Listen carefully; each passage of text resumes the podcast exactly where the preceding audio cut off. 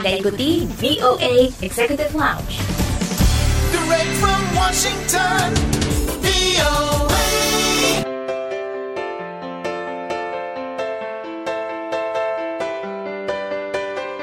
Hey, ketemu lagi bersama saya Dania Iman dalam VOA Executive Lounge yang akan menghadirkan cerita mengenai diaspora Indonesia di mancanegara, juga beragam info menarik dari dunia gaya hidup dan juga hiburan. Apa kabar semuanya? Kali ini ada cerita dari Amerika mengenai para diaspora Indonesia dan juga profesi yang tengah ditekuninya. Macam-macam memang, seperti misalnya ada yang jadi dokter, pengusaha restoran, dosen di universitas, atau juga sebagai aktor. Paling seru memang kalau mendengarkan cerita dari mereka. Nah, kali ini kita akan ngobrol dengan diaspora Indonesia yang adalah pengusaha toko bunga di negara bagian Georgia, Amerika. Seperti apa sih usahanya? Nanti kita akan mendengarkan ceritanya langsung, maka dari itu jangan ke mana-mana, tetap di VOA Executive Lounge. Ingin tahu berita menarik, terkini, dan terpercaya? Ikuti kami di Instagram at VOA Indonesia.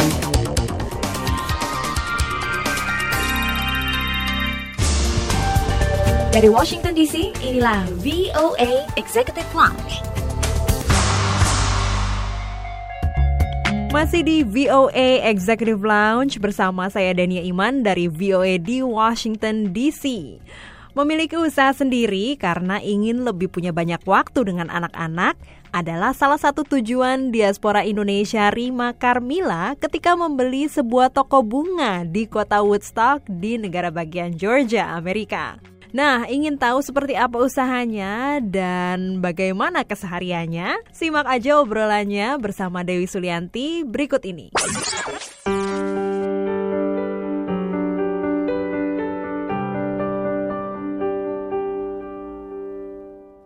Dari studio VOA di Washington DC bersama saya Dewi Sulianti dan saat ini sudah terhubung dengan Rima Carmila McGraw di diaspora Indonesia yang tinggal di Atlanta, Georgia. Langsung saja kita sapa. Halo Rima, apa kabar? Kabar baik, Dewi. Terima kasih sudah mau berbagi dengan VOA. Nah, Rima pertama boleh ceritakan apa profesinya saat ini? Sekarang profesinya sebagai business owner toko bunga saya namanya Woodstock Flowers and Gift. Oh, jadi selain menjual bunga atau rangkaian bunga, itu juga menjual souvenir. Souvenir, iya. Tapi lebih eh, domainnya itu untuk flowers. Bagaimana awalnya Anda memulai bisnis ini? Sebenarnya latar belakang saya itu civil engineer. Jadi saya Wow. waktu eh, I know ya, waktu saya datang ke em, Atlanta, terus saya bekerja sebagai eh,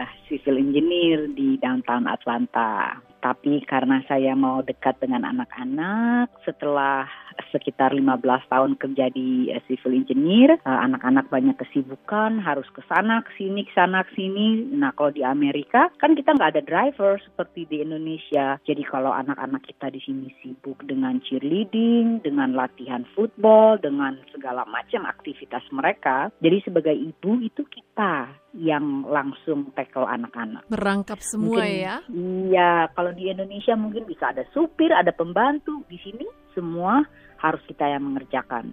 Jadi saya harus mencari bisnis bagaimana supaya saya bisa fokus dengan anak-anak saya yang mana pada saat itu sedang teenager. Jadi saya tidak mau kehilangan waktu dengan anak-anak. Jadi saya ini ada bisnis di eh, Woodstock, eh, Georgia. Eh, Floris ini udah sekarang umurnya 43 tahun. Wow. Rima sendiri menekuninya sudah berapa lama? Nah, karena ini for sale, eh, saya owner yang kelima, terus saya beli, sekarang saya udah yang keenam tahun. Iya. Bagaimana sejauh ini? Alhamdulillah, selama saya beli saya sudah eh, triple bisnis saya. Wow, jadi sudah balik sudah balik modal ya? Malahan sudah Iya.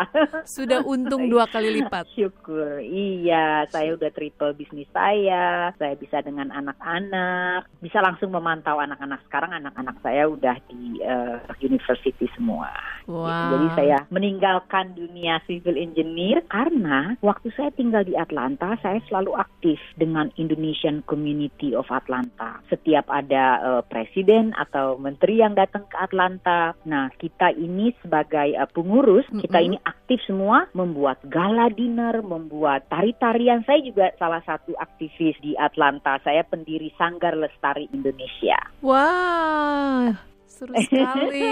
Jadi berarti em, Rima ini pintar menari juga ya? Ya, pintar enggak, tapi saya bisa setiap pulang ke Indonesia, saya selalu belajar tarian yang yang baru. Waktu saya kecil juga saya selalu eh, belajar orang tua saya eh, harus saya ikut lesson tarian tradisional. Terus sebelum saya Mhm. pulang saya udah pesen semua baju-bajunya, jadi nggak lama. Dulu saya pernah sampai ke Bali. Oh. Satu minggu tunggu baju-baju saya itu belum selesai, jadi saya tunggu.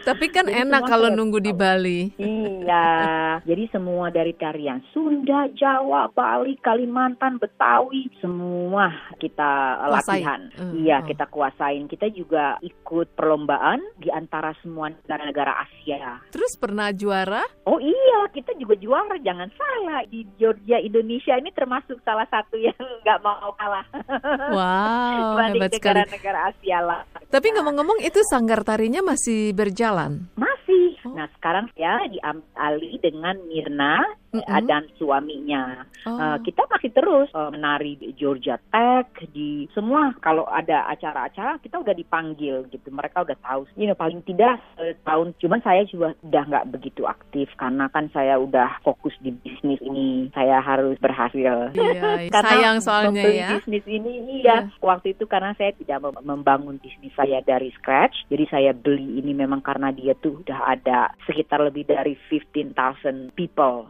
database Oh, wow. customer jadi email telepon you know semua informasi customer itu udah ada di database makanya saya beli bisnis ini jadi saya hanya mengembangkan Apakah Anda dulu pernah belajar atau di mana Anda belajar untuk merangkai bunga ini? Sebenarnya mungkin eh, bakat saya eh, otodidak ya.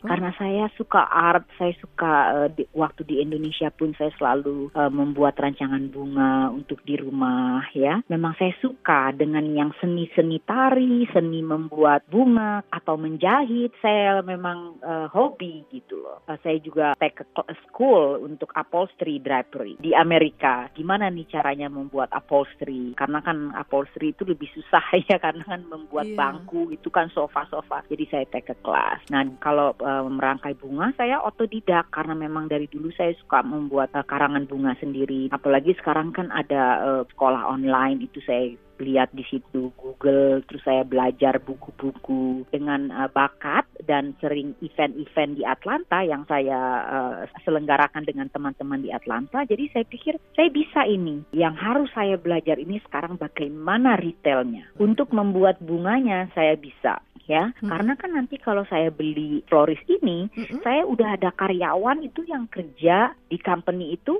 mereka sudah lebih dari 20 tahunan Oh. karyawan saya. Jadi Anda beli, Iya, beli istilahnya eh, bisnis ini apa, berikut sorry, karyawannya. karyawan-karyawan saya. Oh, Karena saya eh, tahu cara membuat bunga, tapi yang lebih important untuk saya bagaimana mengembangkan bisnis ini, ya kan? Jadi Betul. saya harus belajar bisnisnya. Eh, saya bisa meng-hire desainer-desainer, tapi kan bisnis ini harus saya yang menjalankan supaya Iya, berkembang, betul. supaya maju. wah, Nah, sedikit-sedikit, sedikit juga saya belajar dari karyawan-karyawan saya yang mereka udah 20 tahunan kerja sebagai desainer florist. Eh, berapa harga kisaran rancangan bunga yang Eh, dijual di tempat Anda? kalau untuk deliver, eh, itu minimum harga rancangannya harus 35 dolar, minimum. Sudah berikut eh, delivery? Oh, baik. belum delivery, belum tax. Ke Kalau atas. paling mahal? 500, 600, terutama kalau untuk ke funeral, Ya. eh, itu biasanya mahal-mahal. Jadi bis- Iya. bisa dibilang kisaran harga bunganya adalah antara 35 sampai dengan 500 dolar. Iya. Banyak pelanggannya. banyak sekali. saya sampai nggak tahu lagi sekarang berapa eh, ribu di database saya, either order online or by call. Eh, ini juga saya ada banyak customer yang dari luar negeri atau dari state-state lain. Saya sedang ada di Singapura. Besok uh, anniversary uh, istri saya tinggal di Woodstock. Jadi dia telepon supaya saya kirim bunga ke istrinya karena suaminya sedang dinas. Ataupun dari keluarga-keluarga yang dari luar kota atau luar negeri. Kalau mereka ada funeral you know family tinggal di Georgia ada funeral mereka telepon kita untuk kita mengirim bunga kepada keluarga kematian. Baik. iya jadi Baik. em, mereka order telepon mereka Google order online or Mhm. atau mereka order by the phone Belum lagi wedding ya. Oh ini belum termasuk wedding. Eh, ya hampir setiap minggu tuh ada wedding Sabtu terutama kadang-kadang eh, wedding juga dalam satu Saturday itu bisa dua wedding, you know. Iya. Eh, it depend. Eh, kalau di Georgia karena kita termasuk the South ya. Kalau New York kan North, eh, Iya. Georgia to the South. Nah kalau fall itu seperti September, Oktober, November itu banyak sekali wedding karena di gunung-gunung itu eh, berubah color. Oh, ya iya. fall, ada orange, Iya. merah, jadi itu bagus untuk pemandangan eh, outdoor wedding. Ada berapa pegawai Anda? Kalau untuk hari biasa eh, Hmm. sekitar 6 sampai 7, tapi kalau eh, holiday eh, seperti Thanksgiving, Christmas, eh, Valentine's, Mother's Day, prom season, you know, Iya. bisa mencapai sekitar 15 orang. Wow. Iya. Apa suka dukanya selama ini? Suka dukanya selalu ada dong ya. Sukanya karena bunga itu harum uh, dan make me happy, make everybody happy. It doesn't matter is for a funeral or it's for a wedding. If you're not happy to see flowers, it gotta be something wrong with you. Ya kan? Betul. Semua orang happy melihat bunga. Nah, suka dukanya kadang-kadang we don't know. Dari flower shop saya itu perancangan bunga bagus sekali ya. Iya. Semuanya masih segar. Setelah kita kirim ke customer, especially waktu musim dingin, itu kan rumahnya pakai heater. Iya. Ditaruh bunganya itu di bawah heater ya tiga hari udah layu karena kan eh, Panas. panas. Iya. Dehydrate. Kadang-kadang nggak dipotong bawahnya atau diganti airnya dengan yang bersih ya. Betul. Uh, terus dia telepon, "Uh, ini baru tiga hari sudah mati. Gue bilang, ya kamu taruh di mana? Gue bilang, ah, we will redeliver, that's our guarantee. Ya, jadi kan kita harus membuat customer happy. Jadi Iya. dia selalu telepon kita, terutama di Amerika orang tuh suka sekali dengan bunga. Iya, Dalam betul. setahun itu mereka tuh paling tidak tiga kali birthday, anniversary, wedding itu ya Iya. itu harus itu suami itu kirim bunga ke istri. Iya. Jadi eh, dukanya ya kalau kita harus redeliver Iya. bunganya mati sebelum satu minggu ya eh, it's guarantee we redeliver. But it's not many, ya Iya. nggak banyak. Ada tips Di Amerika atau di Indonesia jangan give up. Tahun pertama sampai tahun ketiga itu semua bisnis apa pun itu susah sekali ya. Setelah tahun ketiga itu lebih mudah. Jadi jangan give up. Terutama dengan social media itu kan free. Semua bisnis kita gunakan karena social media itu membuat banyak bisnis. Facebook, Instagram, you know, itu harus dimanfaatkan untuk supaya bisnis kita itu maju. Terutama kita harus menjalankan pembukuan. Itu harus yang benar, harus strict. Kalau memang itu expenses untuk bisnis, kita harus menggunakan bisnis. Jadi dalam at the end of the year kita tahu berapa pengeluaran dan pemasukan kita. You know, kalau memang kita belajar eh, bookkeeping, ya. kita bisa, kenapa tidak? Tapi kalau menurut saya lebih baik orang lain, terutama untuk di Amerika, karena itu setiap tahun kita kan diedit pembukuan. Jadi saya punya bookkeeping sendiri dan CPA. Saya tidak mau menyentuh buku-buku saya. Jadi kalau saya diedit, ada orang yang bertanggung jawab. Silakan bicara dengan CPA saya dan bookkeeping. Betul. Yang penting kita tahu ya. ya tahu, tapi mereka yang bertanggung jawab eh, untuk eh, return tax ya setiap tahun gitu. Iya. Baik, Rima Carmila Megro, terima kasih atas bagi-bagi ceritanya dan sukses selalu untuk Sama-sama, Anda. Dewi.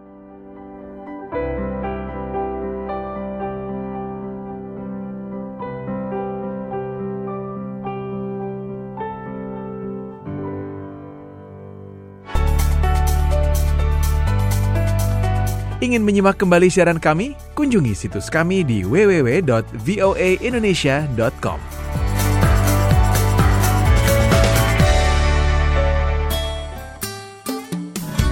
The voice of America.